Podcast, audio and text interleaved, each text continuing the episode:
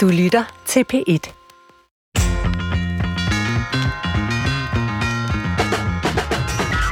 Lærke Bakker, tusind tak for, at du var med her. Det er jeg er virkelig glad for. Altså, jeg har sådan fulgt dig lidt på sidelinjen, og hvilket måske lyder mærkeligt, fordi jeg er jo ikke... Øh, altså, jeg, jeg strikker ikke.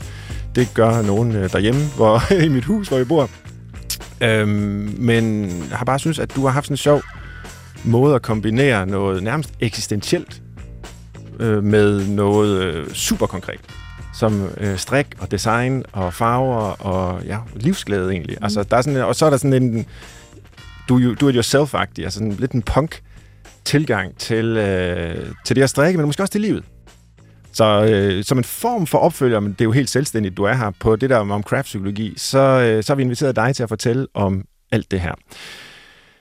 Så vil vi øh, bede dig, Lærke Bakker, om at læse lidt op af side 0, tror jeg nærmest, man kalder det, i din øh, bog. Det er jo en veninde blå bog-agtig ting. Min yndlingsfarve er lyserød. Hvis jeg skal sige noget om mig selv, som jeg gerne vil blive bedre til, nu læser jeg bare højt. Mm. Hvad vil jeg gerne blive bedre til? At tro på, at jeg er værd at elske, har jeg så skrevet. Øhm, Hvad er dit værste karaktertræk? det tror jeg ikke på, at der er noget, der findes. Jeg tror simpelthen ikke på, at man skal sige nogle dumme ting om sig selv. Jeg tror i virkeligheden, at man skal kun sige, at man kan blive bedre til noget. Men der er ikke, jeg synes ikke, der er noget dårligt ved mig. Og det har taget mig lidt lang tid at komme derhen, måske. Hvad vil du gerne være? Jeg vil gerne blive bedre til at tilgive. Det er meget intenst, den her måde at, at slå op i en øh, venindeblå bog. For nu af skal alle vores interviews øh, indledes på den måde, synes jeg. Vi, vi stjæler bare den her fra Lærkes bog, Øh, og så... jamen, I kan jo spørge mig om noget, der er lidt, lidt sjovere så også, hvad min idol er, for eksempel. Hvem er dit idol? Det er Liam Gallagher. Ja. Oasis. Ja. Hvorfor egentlig? Øh, jeg, jeg, jeg, han har en helt mega svedig, kanon vild energi, som jeg altid finder inspiration i, uanset hvor nederen han er eller ej, så synes jeg, at den der ting med at tro så meget på sig selv, og ville så meget det, man er god til, og at man simpelthen bare er så kompromilløs. Hvad med hans bror, Noel? Jamen det er lidt, altså jeg anerkender jo, han er, det er ham, der er sangskriveren, jeg ved godt, men du ved, Liam er, det er også noget i ikke at være den bedste, Ja. altså til noget. Det har jeg heller aldrig været, faktisk. Du, er du ikke tæt på at være den bedste strik? Nej, nej, nej, nej, slet ikke. Nå. Jeg tror bare, jeg er den, der ligesom råber højst. Det er, du Det er lidt ligesom Liam. Det er du bedst til. Det er du bedst til. Ja. øh, sidste ting til dig, Lærke. Fordi så, så, så den sjove øvelse i dag er jo lige at vente over på Svend også, for vi skal også lære Svend lidt bedre at kende på den her måde, for det har vi aldrig gjort. Men dem, jeg elsker, er... Sune, Lulu, Lars, mor Henning, Anne-Marie, Ida, Dalanda, Elisabeth, Christoffer og mange flere. Svend, vi skal have udfyldt noget hos dig, fordi at, øh, jeg, jeg kom til at tænke på, da jeg læste her i Lærkes bog, at, at den her måde at introducere på er pisse smart. Ja, er super. Og der er altid lytter, der gerne vil lære mere om dig at kende. Om det er jeg altså ikke helt sikker på. Men øh, vil du ikke prøve at folde dig lidt ud, ligesom Lærke lige har gjort? Jo, altså, det er en, en lang blå bog, og du har sat kryds ved noget af det, du synes er, Det jeg rigtig gerne vil vide om. er vigtigst. I hvert fald det, du er mest nysgerrig på. Og det første er, at jeg samler på... Jeg, jeg siger til mine børn, at jeg samler på penge. Men det er sådan lidt uselt. Så øh, det, det rigtige svar er selvfølgelig, at jeg samler på bøger.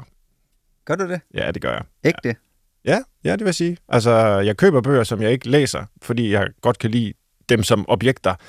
Og øh, vi er jo ved at... Altså, Ej, det er en hverdagshelt. det ved jeg ikke. Men vi- altså, vi er ved at ikke at kunne være i vores hus. Vi, vi er endda flyttet til et større hus, øh, fordi vi har det der kæmpe bibliotek. Har du, jeg skulle så spørge, har du så et bibliotek? Ja, altså vi har faktisk nærmest øh, tre. Øh, Har du, har du sådan en yndlingsbog for tiden? ja, men jeg har ja, virkelig, virkelig mange, og læser altså hele tiden flere forskellige på én gang. Øh, lige nu læser jeg Skår af Brad Easton Ellis, øh, som jeg har fulgt siden han var øh, ja, debuterende forfatter, og jeg selv knap var kommet i gymnasiet endnu. Så jamen, jeg, jeg kan ikke pege på en yndlingsbog. Der er så meget. Det, det, Så hop videre Nå, på ja, listen. ja. Mit idol. Uha. Øh, Alfons Åbergs far, måske. ja. Han er så rolig. Nogle gange, øh, det er som et totemdyr. Når jeg er ved at eksplodere af vrede over et eller andet, der sker øh, med børn eller hundene, så tænker jeg på, hvordan vil Alfons Åbergs far have reageret? Jamen, altså, det er også noget med, det er noget med de der futsko, tror jeg. Og så Ja, han har så god stil. ved du godt, hvor gammel han er? Øh, 36. Ja, det er det. Ej, vidste du det? Ja, jeg vidste det godt. Jeg vidste Han det ligner godt. jo en på 60, Han er, det ikke? er rigtigt, han er 36. Han er 36. Hold op, Jeg nærmer Ja. mig. Nå. Så han står ved sin voksenhed. Altså, det kan Ja. jeg sgu godt lide. Og, øhm, Han har også en hel klasse øh, sweatervest. ja, ikke? Jo, det har han. Jo, det har Alfonso også. Altså, det der med ja. de der små... Ja, ja, øh, ja. Helt klasse sweatervest. Mere, jeg vil godt lige nævne måske også øh, en, en gammel død øh, tænker, der hed John Dewey, som har inspireret mig rigtig meget, både fordi han skrev alt muligt spændende og fantastisk om pædagogik og demokrati og alt muligt, men også fordi han er en af de få pædagogiske tænkere, der faktisk kunne lide børn i virkeligheden. Øh, og, og havde seks børn, adopterede to børn efter krigen, belgiske øh, forældreløse drenge. Øh, han døde i 52, Dewey. Øh, så, så sådan en offentlig intellektuel, som både var en, en, en god far, og en, øh, en vigtig person for, for det samfund, han levede i. Det, altså, tænker at nå alt det. Øh, han skrev 37 bind, eller hans samlede værker fylder halvanden meter eller sådan noget på reolen. Så, Ja, og det kan du godt lide mængde, når det handler om bøger, har vi fundet. Så ja, det, simpelthen. Øhm, jeg vil gerne være... Jamen, jeg vil jo gerne være en god far. Det er jo derfor, at Alfons Åbergs far er mit idol. Øhm, det er da det, jeg helst vil, vil huske som. Det, det lyder sådan... Nu, nu kan jeg godt høre på mig selv, når man siger det. Det lyder så kliché-agtigt, men øh, Det er jo fordi, det passer. det passer altså. Det er jo, der er jo en grund til, Ja. det er sådan. Noget, jeg synes er svært, skal jeg også svare på, og det er at sige nej. Jeg kommer til at overbooke. Jeg har endda skrevet en bog, øh, der handler om, at man skal tage nej-hatten på, og folk troede, det var fordi, at, øh, at jeg var god til det. Men jeg skrev den, fordi jeg var dårlig til det. Men det Øh, giver mega god mening. Ja, ja, egentlig. Jeg har jo også skrevet den her bog til mig selv. Ja. Men ja præcis. jeg Ja. er også dårlig til at Ja. sige nej, faktisk. Jamen, folk tror, at man har Ja. ligesom, øh, løsningen, eller Ja. har implementeret den øh, i sit liv, men hvis det var så nemt, så var der jo ingen grund til at beskæftige sig med det. Det er Altså. mega svært. Min yndlingssang er... Det er, det er godt nok et svært spørgsmål. Øh, men den første, der poppede op nu, det var Always on My Mind. Og øh, What? ja, det er en Willie Nelson-sang. Han er også god da. Ja, og så indspillet af alle mulige, Elvis og så videre. Men min yndlingsversion af den, det er faktisk Pet Shop Boys fra 90'erne. Eller måske den der slut 80'erne. Okay, der trækker du altså et godt kort. De har det der Det var- ultra... havde- Altså, fordi det er så varm en sang. Mm. Ja. Øh, den, den er så smuk og kærlighedsfyldt. Og så har de pakket den ind i sådan et koldt, maskinelt, britisk univers, hvor øh, Neil Tennant, forsangeren for Pet Shop Boys, han synger den næsten som en robot. Altså, men der er bare et eller andet ved den kontrast mellem øh, melodien, akkorderne, teksten, som er varm på den ene side, og så indpakningen, som er kølig, som virkelig bare rører noget i mig. Jeg ved ikke, hvad det er. Er du Pet Shop Boys fan ellers?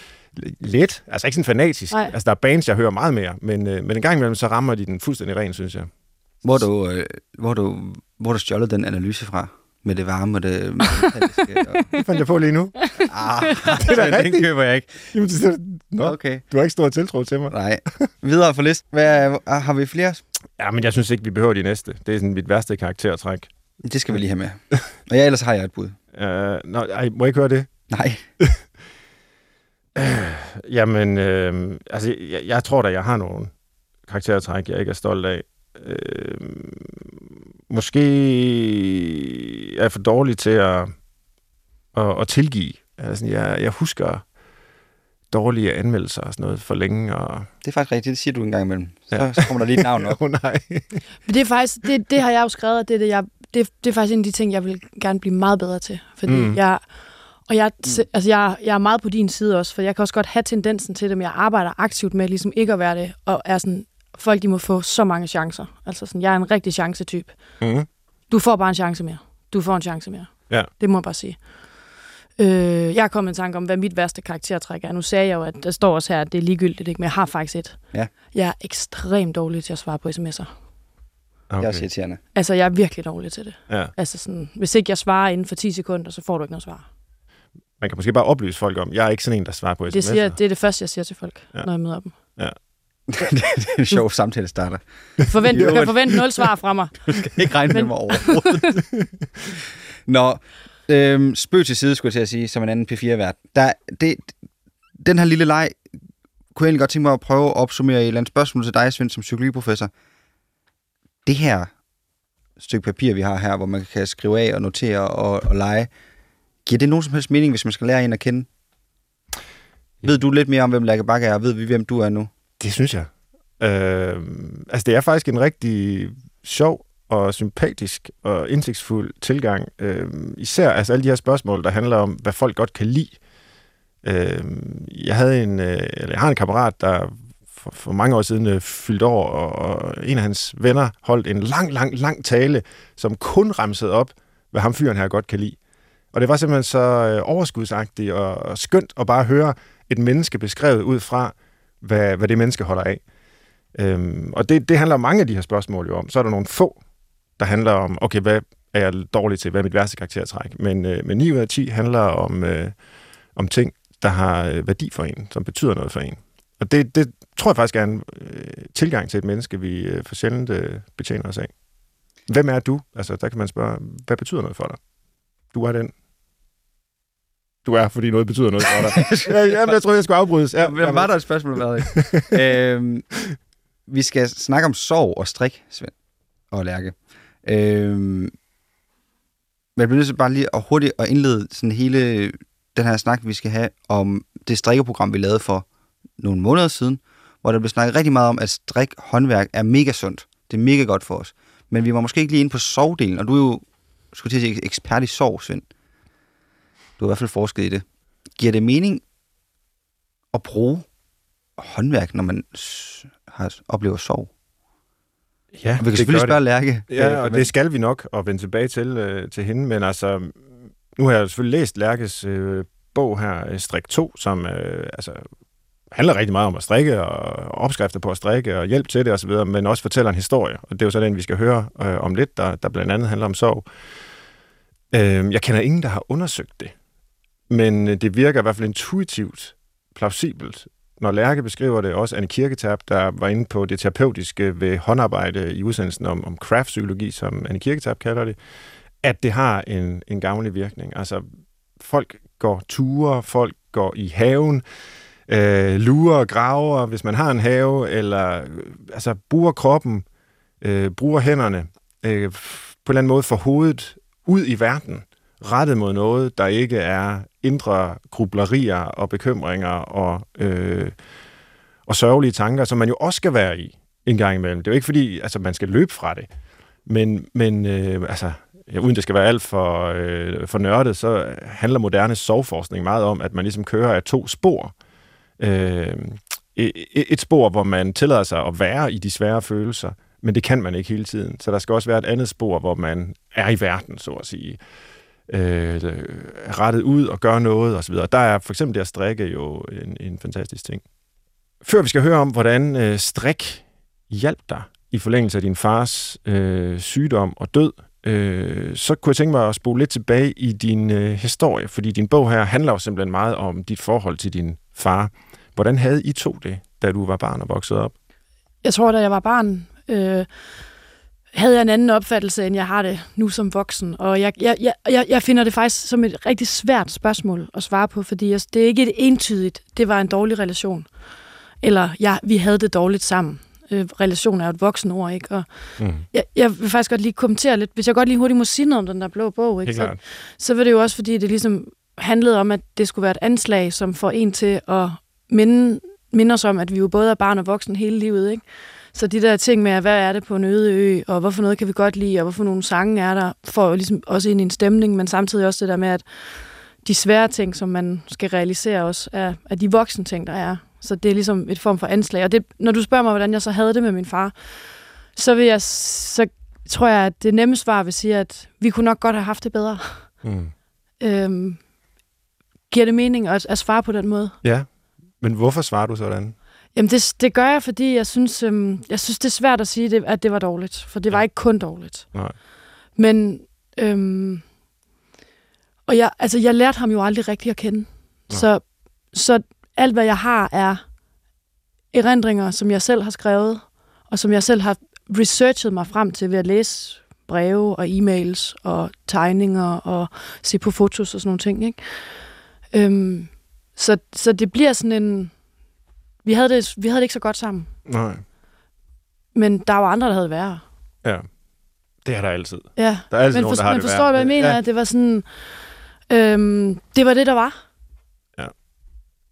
Og der var ikke så meget. Nej, det er måske nej, det, der er nej. hovedsagen i historien, er det ikke det? Jo, altså, øhm, han, han, øhm, jeg, han, han, han, der er ingen tvivl om, at han elskede mig. Han, jeg, var jo, jeg var hos ham hver anden weekend, øh, og han havde en æbleplantage. Og det var øh, nogle gange sjovt at være i æbleplantagen. For det meste var det ikke. Fordi der var meget arbejde forbundet med den æbleplantage, og jeg så ham kun øh, hver anden weekend. Og jeg tror ikke, øh, han forstod ikke, hvem jeg var. Øh, og jeg forstod jo heller ikke, hvem han var, men jeg synes ikke, det er ikke et barns, ikke et barns job at forstå en voksen øh, på den måde, så det var bare sådan et uligevægtigt forhold.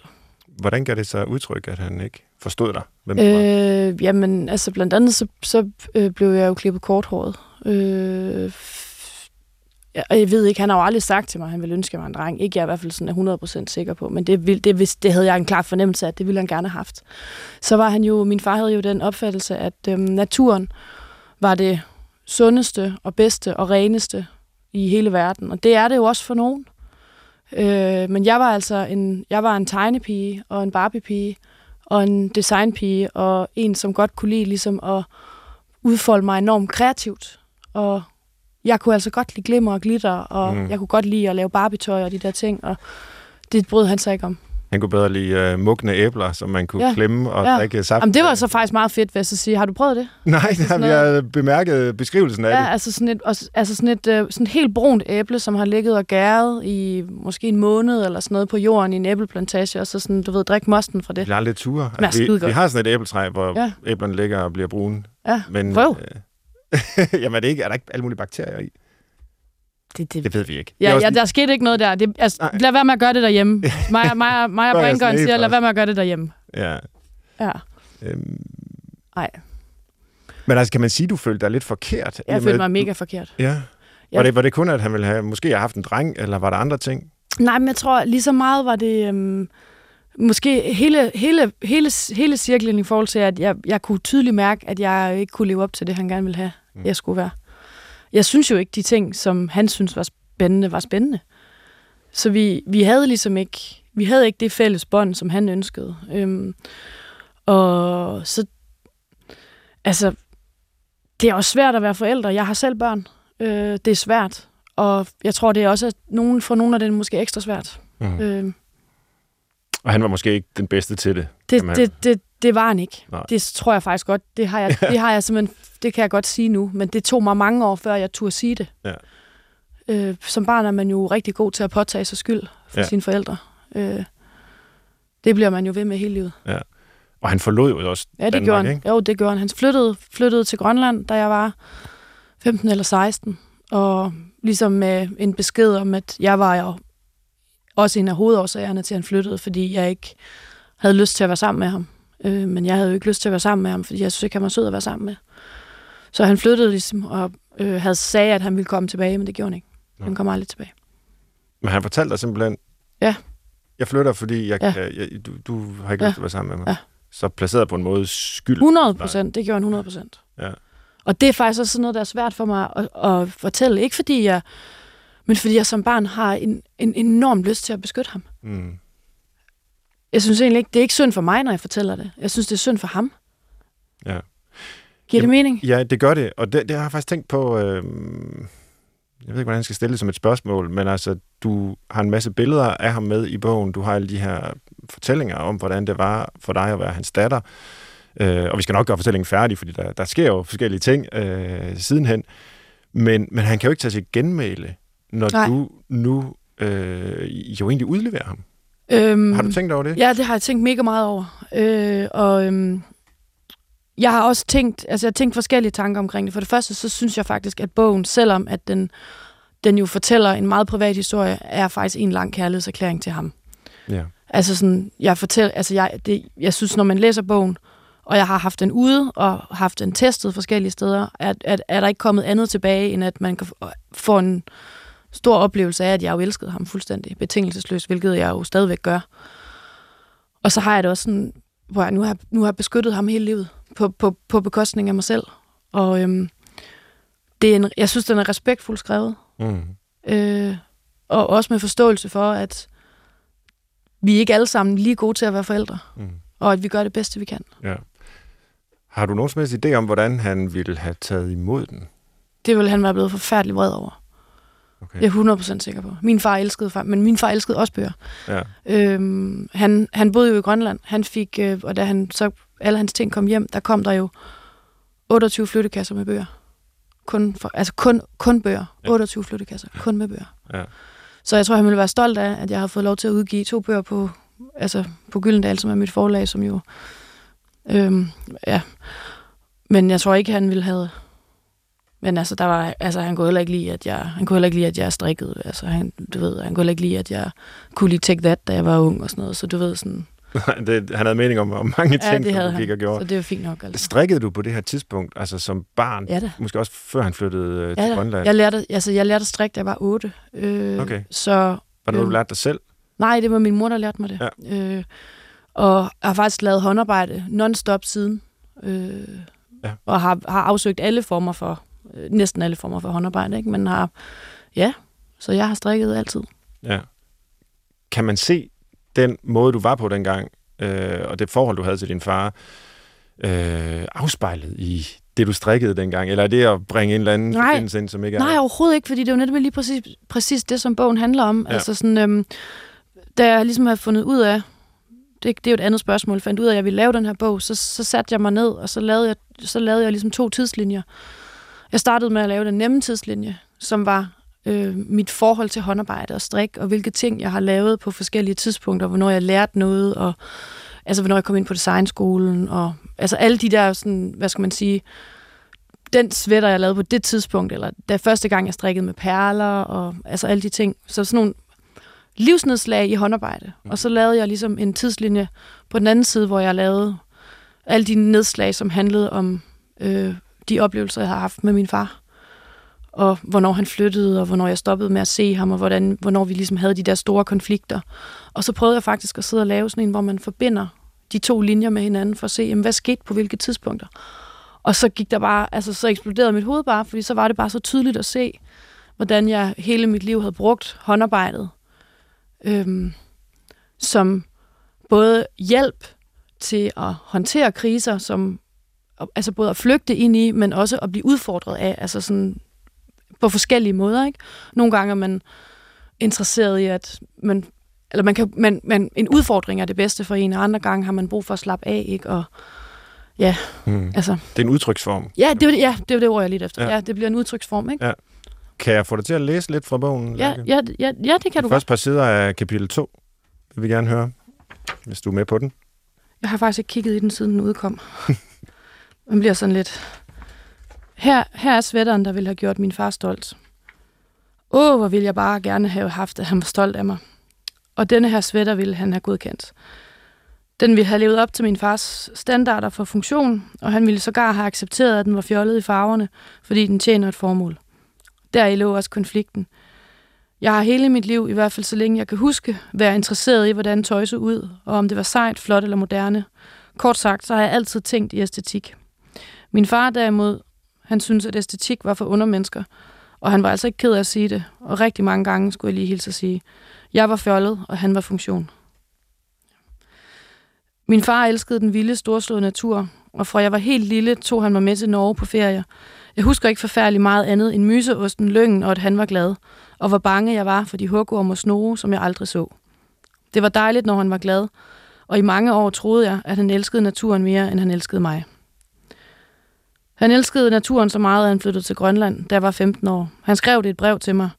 Det er en underdrivelse, at jeg blev ked af det. Faktisk blev jeg nok nærmere slået i tu, at han flyttede. Og flyttede så langt væk. Og jeg blev ked af, at han ikke kunne sige det til mit ansigt. I det brev, han skrev til mig, fortalte han mig også, at jeg var en stor del af årsagen til, at han flyttede. Mit manglende engagement i hans liv og min manglende interesse i vores relation tvang ham til at flytte til Grønland. Jeg forstod, at han ingen grund så til at blive i Danmark. Min far skrev også, at han bare skulle være der nogle år, men han flyttede aldrig tilbage til Danmark. Vi brugte telefonen meget lidt, for det var dyrt. Vi fortsatte med at skrive sammen, og vi sås en gang om året. Bare en enkelt dags tid, når han var i Danmark på sommerferie. Jeg vidste aldrig, hvornår han kom, men pludselig ringede han og sagde, nu er jeg her, kan vi ses i morgen. Det var frygteligt. Mit system var hvert år i crisis mode fra midten af juli indtil midten af august. Alt var på hans præmisser. Og ofte sagde han, at han havde at være i byen, hvor jeg boede. Han kunne heller ikke lide at bo i et hus, men ikke kunne gå rundt om. Det var unaturligt, sagde han. Jeg boede for øvrigt i lejlighed. Og så blev det jo bare endnu sværere at være sammen. Så jeg hoppede og dansede efter hans pibe, men det var aldrig godt nok, følte jeg, for det var jo ikke Grønland.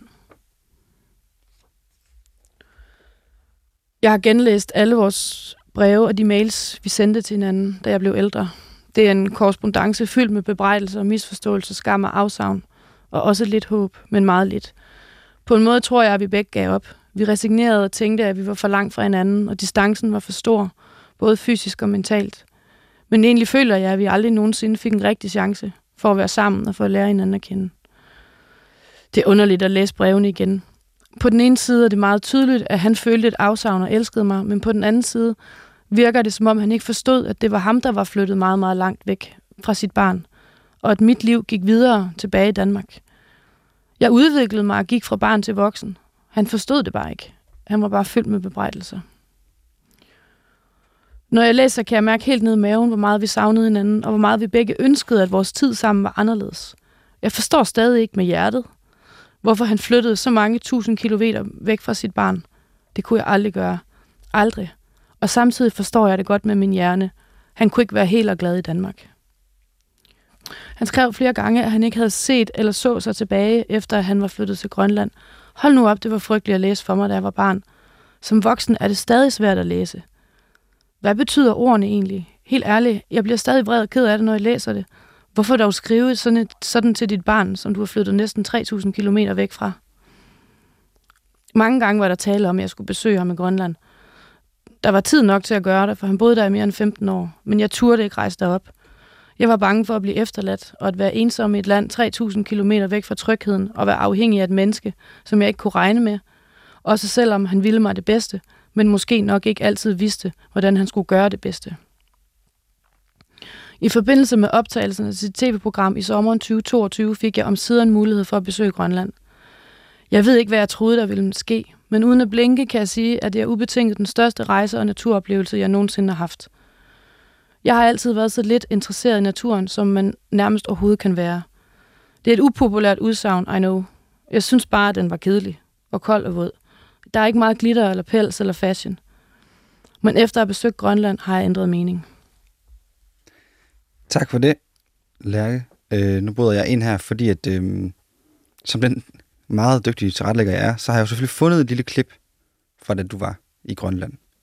Jeg kan måske lige hurtigt sige, at du er deroppe med Christine, Christine Feldhaus, og så har I den her samtale. Mm, ærligt, den, øh, jeg, jeg, har, jeg er altså helt blæst, blæst bagover faktisk. Øh, det er ubetinget en af de største oplevelser, jeg har haft i hele mit liv. Min far, han, han, han boede jo heroppe. Øh, han flyttede herop, øh, da jeg var 12. Og kom, han skulle bare være her et år. Han kom jo aldrig hjem igen. Og han boede her jo i over 17 år, inden han døde. Jeg var meget, meget vred på ham, hvor han flyttede. Og efter jeg kom herop, og de få dage, jeg har været her, så forstår jeg, jeg forstår godt, hvorfor han blev her. Mm. Det har faktisk været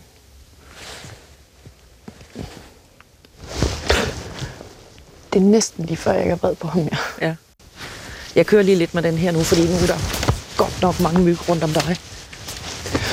Hvorfor det, det dasker mig i hovedet med det der med til at sidde og duder? Det, det er både meget sigende for det program, mm. hvor I, øh, mm. der er så mange myg. der var virkelig mange myg. Men hun er også bare en rigtig god veninde. Altså kollega og veninde, ikke? Så hun var jo godt... Ja, altså... Øhm, jeg, jo, jeg, jeg, øhm, det var helt vildt at være der. Det var sådan... Øhm, nu, jeg, nu, jeg har ikke spurgt mig om noget, men jeg, jeg, jeg synes, jeg, simpelthen, jeg bliver nødt til at sige det, fordi det var så vildt. Det var simpelthen så vildt. Jeg tro, fra det øjeblik, jeg kom derop, så troede jeg, jeg så ham. Hele tiden. Øh, det samme tøj, den samme ludende gang, altså det samme vilde hår. De, altså, de, så alle, de lignede alle sammen min far, de mænd, der var deroppe. Jamen, ja, nu bliver jeg jo nødt til at gå lidt psykolog på den også, Svend, fordi kan man, kan man for det første, nej, det første spørgsmål, det må være, må man rejse for sit barn? Ja, det er jo et, øh, det er jo et normativt spørgsmål. Må man? Øh, nu spørger det, det er jo i hvert fald en kendskærning, at folk en gang imellem gør det. øh, som, som man kan jo godt. Øh, det sker relativt sjældent, og man kan ikke, du kan ikke spørge mig om det som psykolog, fordi psykologien kan ikke svare på, hvad du må og ikke må. Men psykologien kan svare på, hvis du gør det, hvad har det så af konsekvenser, og hvor vanskeligt er det, hvor sjældent er det, og hvorfor er det svært osv. For, for alle parter. Og, og, og det er det. Altså, der er jo noget helt elementært øh, biologisk, den måde, vi fungerer på, øh, hvor vi knytter os til øh, vores børn, og ofte knytter børnene sig også til de voksne. Men, øh, men jeg vil sige, relationen fra forældre til barn, altså, bør være øh, ubrydelig. Altså, forældrene skal være der ubetinget for sit barn, hvis du spørger mig, og det gør du så. Jeg kan huske, øh, for mange år siden, da jeg var en ung forsker, og øh, det var dengang Stein Bakker, jeg tror ikke, det er noget familie, vel? Nej. Nej. Nå, nej. Ja. Stein Bakker flygtede til øh, USA efter at have bedraget øh, det her IT Factory. Unge lyttere, hvis vi har nogle af dem, I, I må lige tilgive mig, for det, det er en gammel historie. Øh, sådan en, en mand, han, øh, han, han lavede en masse økonomisk kriminalitet og, og flygtede ud af landet.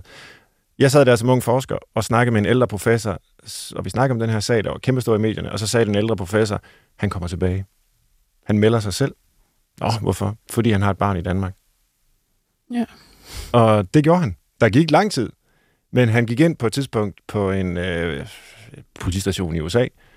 Det er ovenikøbet fanget på et overvågningskamera, øh, Stein Bakker der, øh, som hvis nok har et andet navn i dag. Han har udstået, eller udstået sin straf osv. Øhm, og så rejste han tilbage til Danmark, fordi han havde et barn. Øh, og det er jo bare et tegn på, at den her, ja, den, den gamle kloge professor der vidste, at, øh, at der er nogle ting, der, der slår igennem hos næsten alle mennesker, altså som man bare ikke kan løbe fra som øh, forældre. Og så vil jeg følge op og spørge dig, Lærke. Altså, du siger, du nærmest ikke vred på ham mere, efter du så møder Grønland. Hvad er det? Hvad er det, der... Fordi det er jo, det er jo alligevel øh, mange øh, års uforsoning, eller hvad vi skal kalde det. Jo, men altså det, det der sker med mig derop, som jeg altså slet ikke øh, er forberedt på, det er, hvor vildt Grønland er. Altså Grønland er så vildt. Øh, og jeg forstår ligesom, jeg forstår noget omkring ham, fordi han, han, var, han elskede at bo derop. Og jeg, det jeg forstod, da jeg kom derop, der, altså, det, det kræver, det er virkelig særligt et specielt sted. Det var fantastisk, og menneskerne var vidunderlige, og, og, men naturen er jo fuldstændig øh, altså øh, benhår, og, og, og der, det er så stort, og man føler sig så ensom, og altså, der er så mange ting med det, som jeg kun kan, jeg tror kun man kan forstå, hvis man har været på Grønland, og det var også det, jeg først forstod, da jeg kom derop. Så jeg tænkte jo, hvis han har det godt her, så kan han ikke have det godt nogen andre steder. Så kan jeg godt forstå, at han ikke, altså, han ikke har kunne trives øh, i en æbleplantage, eller inde i København, når han har besøgt mig, eller øh, i Aalborg, eller hvor det var. Hvis det er her, han finder sin fred, så, så var vi jo længere væk fra hinanden, end jeg, end jeg troede. Og på den måde, så jeg er jo også blevet voksen nu, og jeg har fået børn, og man kan ikke blive ved med at gå og holde fast i de der ting med, at man er vred over, at der er noget, der har været skidt, eller gået ens næse forbi, og tryghed og sådan nogle ting. Og så var jeg sådan, men for jeg havde en klar fornemmelse, at han faktisk havde et godt liv deroppe. Og så må jeg også jeg komme videre. Eller, ja, i hvert fald. Så det var sådan, det derfor, det der med den der tilgivelse af, at jeg næsten ikke vred på mere. Ja, næsten. Næsten. Det er en meget god tilføjelse måske. Øhm, Svend, hvorfor længes vi efter forsoning? Hvis, selvom det måske aldrig helt har været rigtig godt.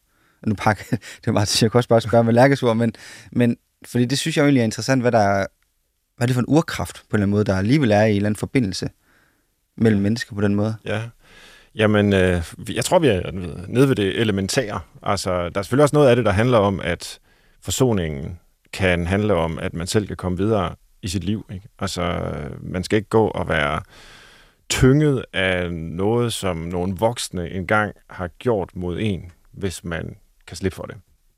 Det, altså, det bør man jo ikke bære på, hvis, hvis der er en anden vej. Øh, men, men jeg tror også, det er mere end det. Altså, jeg tror gerne, vi vil reparere en relation, hvis vi kan. Øh, fordi vi ved jo godt, at forældre-barn-relationen gerne skulle være, altså den kan aldrig være fuldstændig harmonisk og i send og i vatter og alting øh, øh konstant, men, øh, men, men den skal gerne være båret af en, en ubetinget kærlighed. Øh, så, så der er et eller andet i nærmest i universet, der er ude af balance, hvis, øh, hvis den går uforløst rundt. Så, øh, så det, det er vel derfor, vi søger forsoning. Men det ved jeg ikke om... Nu, nu, jeg taler jo bare teoretisk. Jo, værket. det synes jeg er 100. Altså, det er helt, altså, jeg havde sådan en oplevelse af, da, før jeg gik i gang med bogen her, at øh, ja, det er jo snart, I kan jo også selv høre på, altså på båndet der, eller på klippet, at jeg faktisk er lidt i tvivl om, hvor, hvor gammel jeg er, og tidspunkt og sådan noget. Så Mm.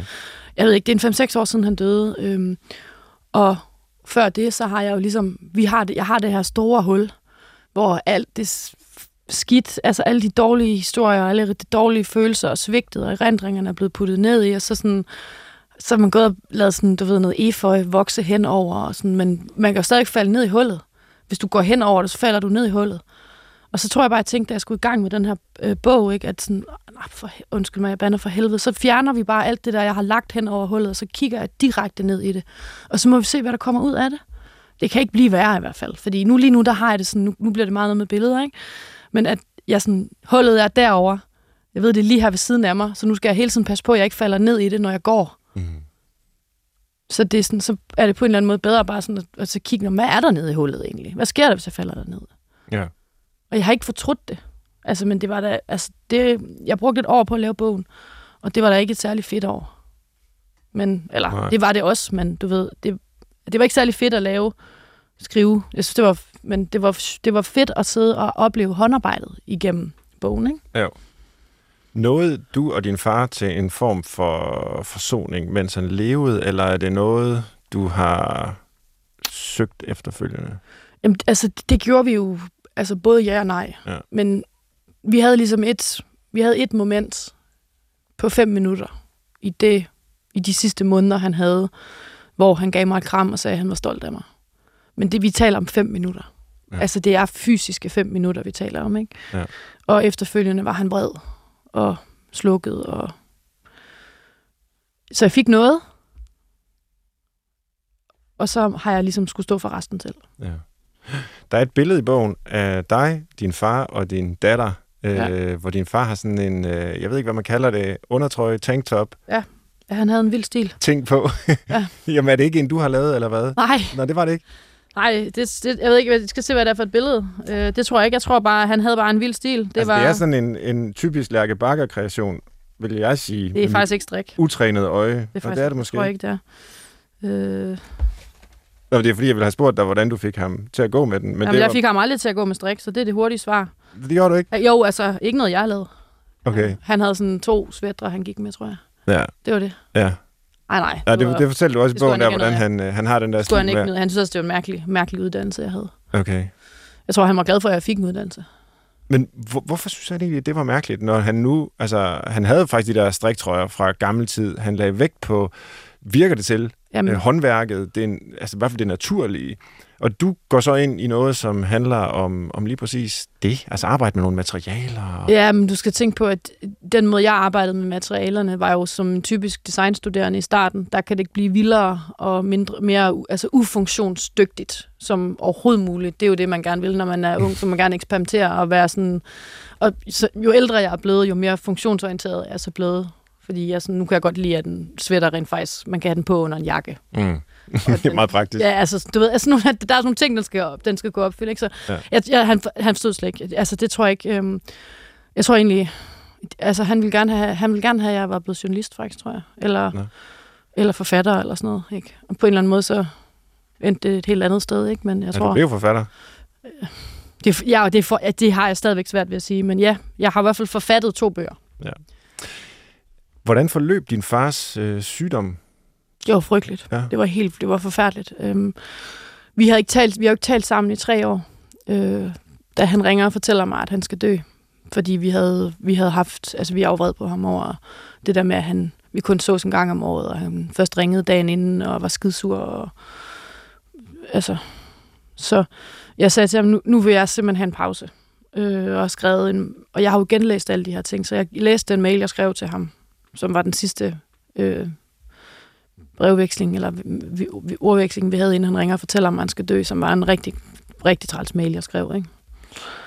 Og så ringer han og fortæller mig, at han skal dø, og jeg er lige blevet mor på det tidspunkt, så det er, sådan, det er også helt, helt vildt, fordi at øhm, livet er, er blevet så meningsfuldt, samtidig med, at det så lige pludselig bliver så ekstremt meningsløst også. Altså sådan, jeg, har ikke, jeg var jo mit første barn, ikke? og jeg var i gang med at prøve, jeg havde ikke engang fundet min rolle som mor endnu, altså.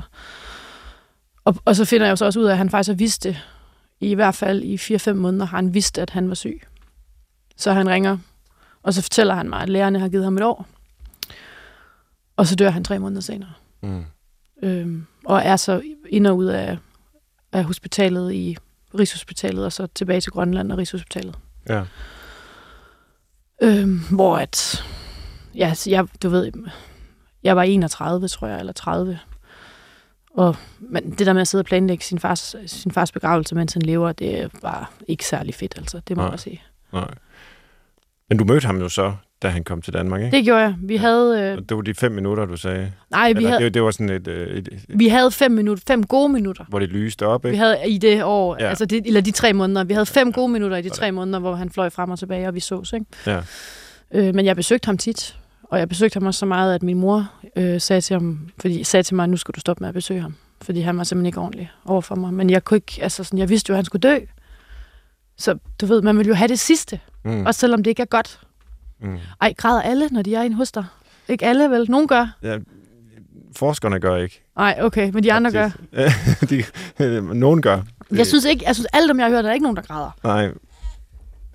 Men det, det skal du ikke være Jeg bare sige, det må man altså godt. Det må man. Bare fordi Svend han er fra Midtjylland. Det er så- trods alt et psykologiprogram. andre- Jeg, altså, jeg, jeg kender jo kun din far fra det, du øh, fortæller om ham, og har skrevet om ham, og de billeder, der er af ham. Men jeg kan jo ikke lade være med at få øh, det spørgsmål, hvordan er han blevet, som han blev? Hvordan, altså, der må være gået et eller andet galt i hans øh, liv, siden at han, Øhm, ja undskyld, var så relativt afstumpet.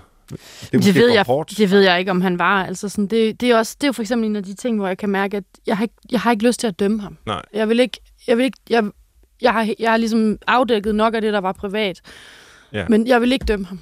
Fordi hvis, hvis der er noget, jeg har fundet ud af i ligesom undersøgelsen med den her bog, og skrive den her bog, så er det, at altså, jeg for, det var så tydeligt i alle de brevvekslinger og alle billederne, at han ikke selv var klar over, øh, hvad det var, han gjorde. Mm. Altså, han var ikke ond mening. Han, han, han gjorde det ypperste, han kunne. Det føler mig helt overbevist om. Øh, jeg skal ikke kunne sige, hvad der var. Øh, og jeg, altså i, i hans... Nej, og det, er det er heller ikke. Det er måske også bare psykologen i mig, der ja. Bliver nysgerrig. Jeg vil sige, altså, der er jo altid en eller anden øh, grund til, at folk. Ja. bliver, som de bliver. Øhm. Den sidste gang, du så ham, var, var, var det, hvor der var de gode fem minutter, eller... Nej, det var det ikke. Nej. Det var den sidste gang, jeg så ham, øh, var sådan midt i, midt i forløbet. Altså, det er jo sådan efterårs... Øh, eller slutningen af sommerferien, han ringer og fortæller mig, at han skal dø, og så dør han i midten af december. Øh, og det her, det var sådan noget oktoberagtigt. Okay. Øh, og jeg kan huske, at jeg havde været inde, jeg skulle ind og se øhm, Johnny Madsen på store scene på det kongelige, og min far elskede Johnny Madsen, og det gjorde jeg også. Og så ville jeg ringe og fortælle ham, at jeg havde været inde og se Johnny Madsen på store scene, og så tænkte jeg, nu bliver han mega stolt. Og så blev han pissur over, at han synes det var latterligt, at Johnny Madsen han skulle spille på store scene, fordi han skulle da bare blive på Fanø. Nå. Altså, hvad fanden skulle han ind i København? Ja. Ikke? Så det var sådan, ah, ah, agtigt. Men, og den sidste, den sidste gang, vi så hinanden, der var, der var det også bare, ja, du skal komme og sige farvel nu, jeg vil tilbage til Grønland, jeg vil have, de stopper behandlingen. Det ringede han og sagde, og så sagde jeg, okay. Så tog jeg en hurtig taxa ud til det behandlingssted, han var på. Øhm, og så sad vi og snakkede sammen en halv time. Og så vidste jeg, at det var sidste gang, jeg så ham. Ja. Og så tog jeg hjem. Talte du med ham i telefonen efter det? Ja, det gjorde jeg. Ja. Ja. Jeg talte med ham to gange. Okay. Han slukkede sin telefon, da han kom tilbage til Grønland. Ja. Og så troede jeg faktisk, jeg troede, han var død.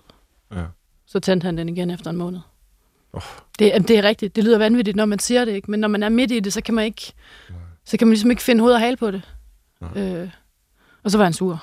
Altså, så. Hvordan fandt du ud af, at han så var død? Jeg blev ringet op, øh, det var lige før jul. Jeg var på vej hjem til Aalborg, jeg, øh, og så blev jeg ringet op på Kombardo-færgen, eller Molslinjen, som det hedder, af hans grønlandske ven, eller en veninde på Grønland, en dansk sygeplejerske, øh, som var hans veninde på Grønland, som ringede. Så jeg vidste med det samme. Jeg kunne se på telefonen, okay, det vidste jeg. Der var ikke nogen andre grunde, hun skulle Mm. ringe til mig. Øhm, Ja.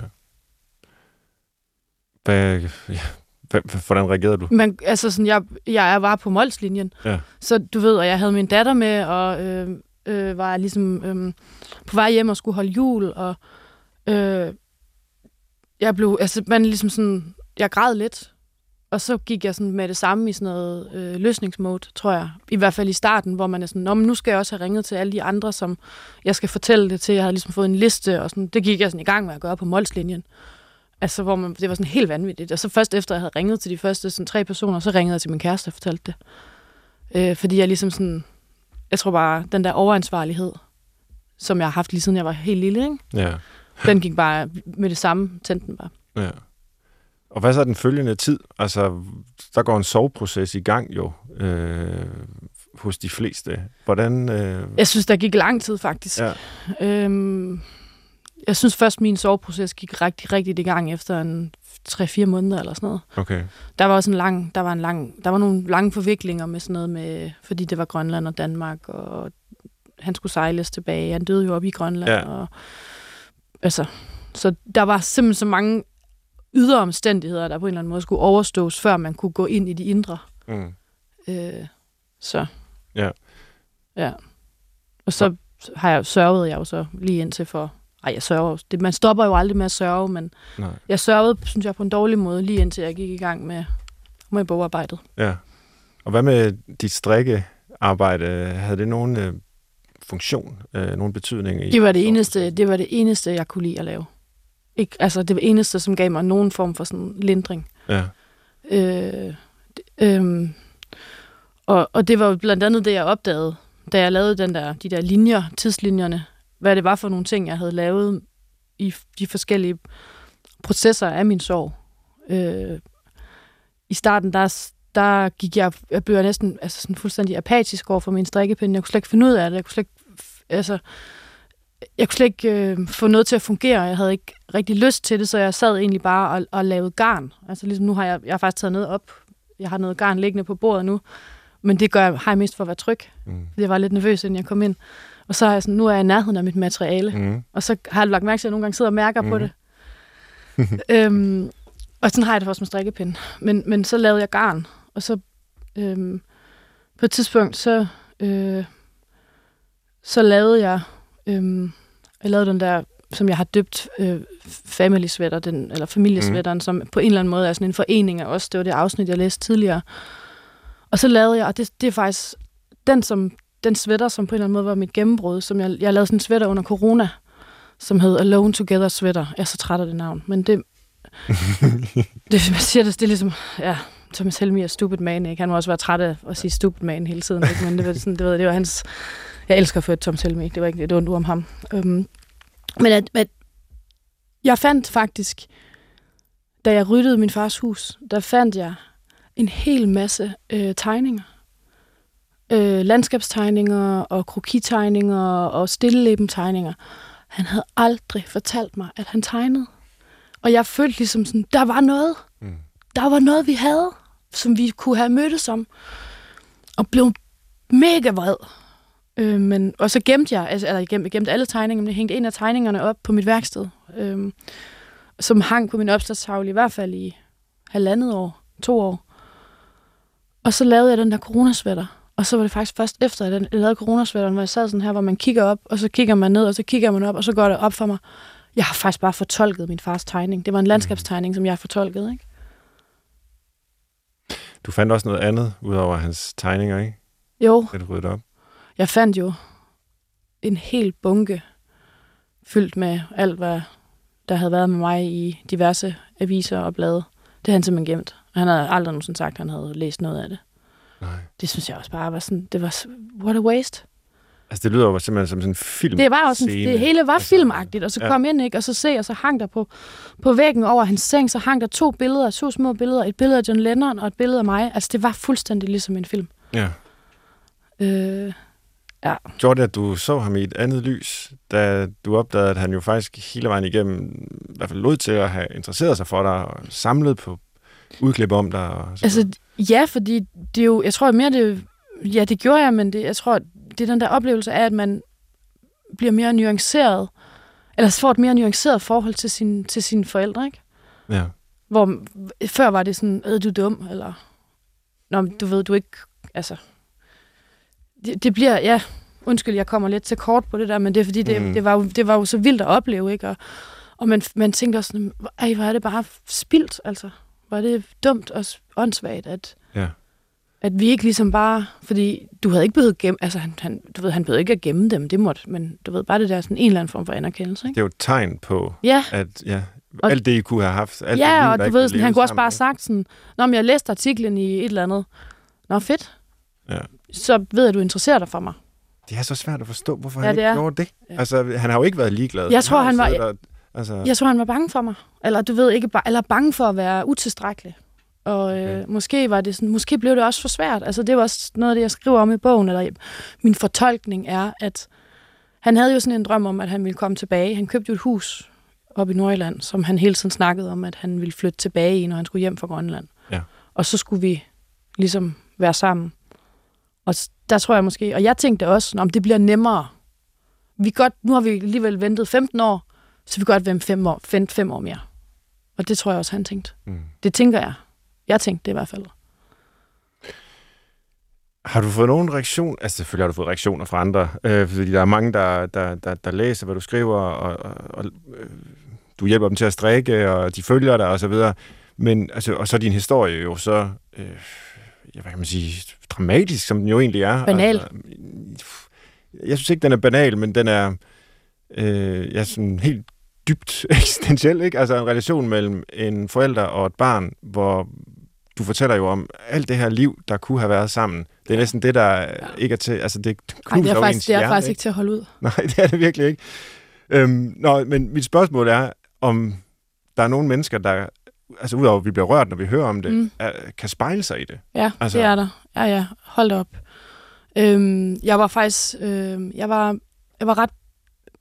Jeg får mange beskeder på min, på min mail og på min Instagram og, og sådan noget på Messenger fra folk, der vil diskutere håndarbejde og du ved, hvad skal man sige, værdisættelser, eller værdier inden for håndarbejde og sådan noget. Og så tænkte jeg, okay, men jeg vide, om der er nogen, der begynder at skrive Øh, og så tænkte jeg, det er jeg faktisk ikke sikker på, at jeg kan holde ud, hvis der begynder at komme sådan nogle personlige beretninger om sygdomsforløb, og, og nogen, der har haft dårlige øh, fædreforbindelser eller forældreforbindelser. Og jeg er simpelthen blevet så positivt overrasket, fordi jeg, jeg får mange, men jeg synes simpelthen, det er så dejligt. Mm. Fordi jeg føler mig ikke alene. Mm. Øh, og jeg er så sent som for...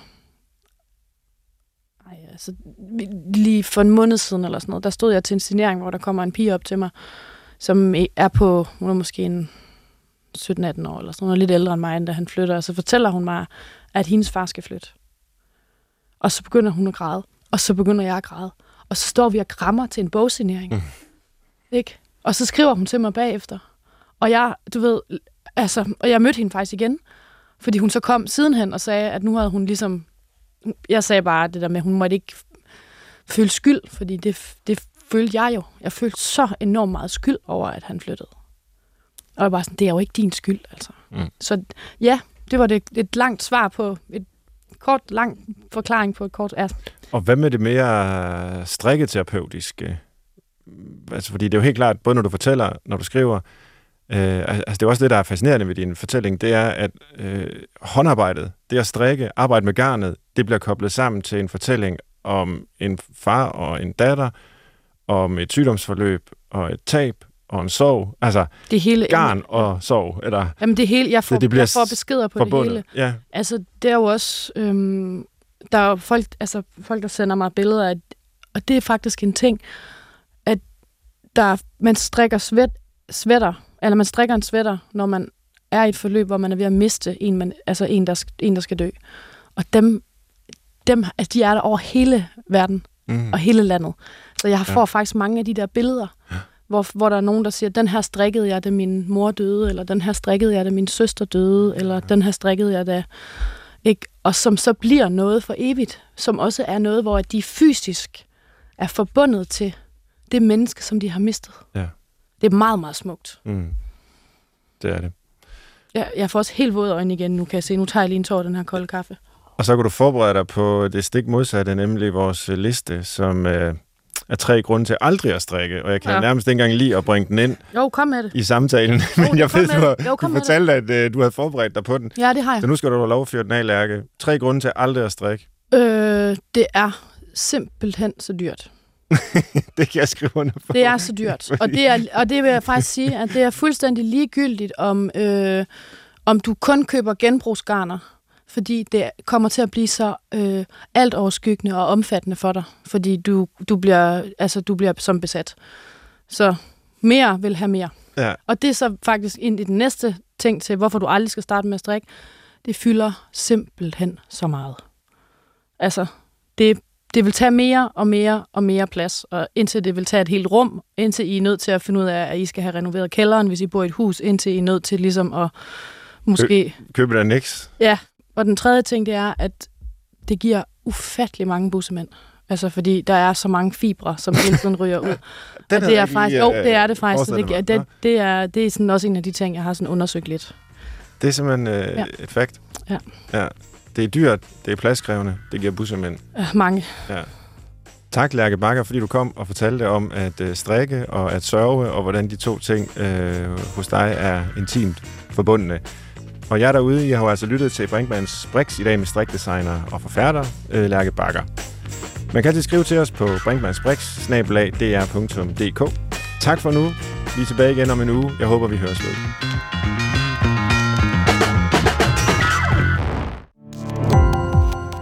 Gå på opdagelse i alle DR's podcast og radioprogrammer. I appen DR Lyd.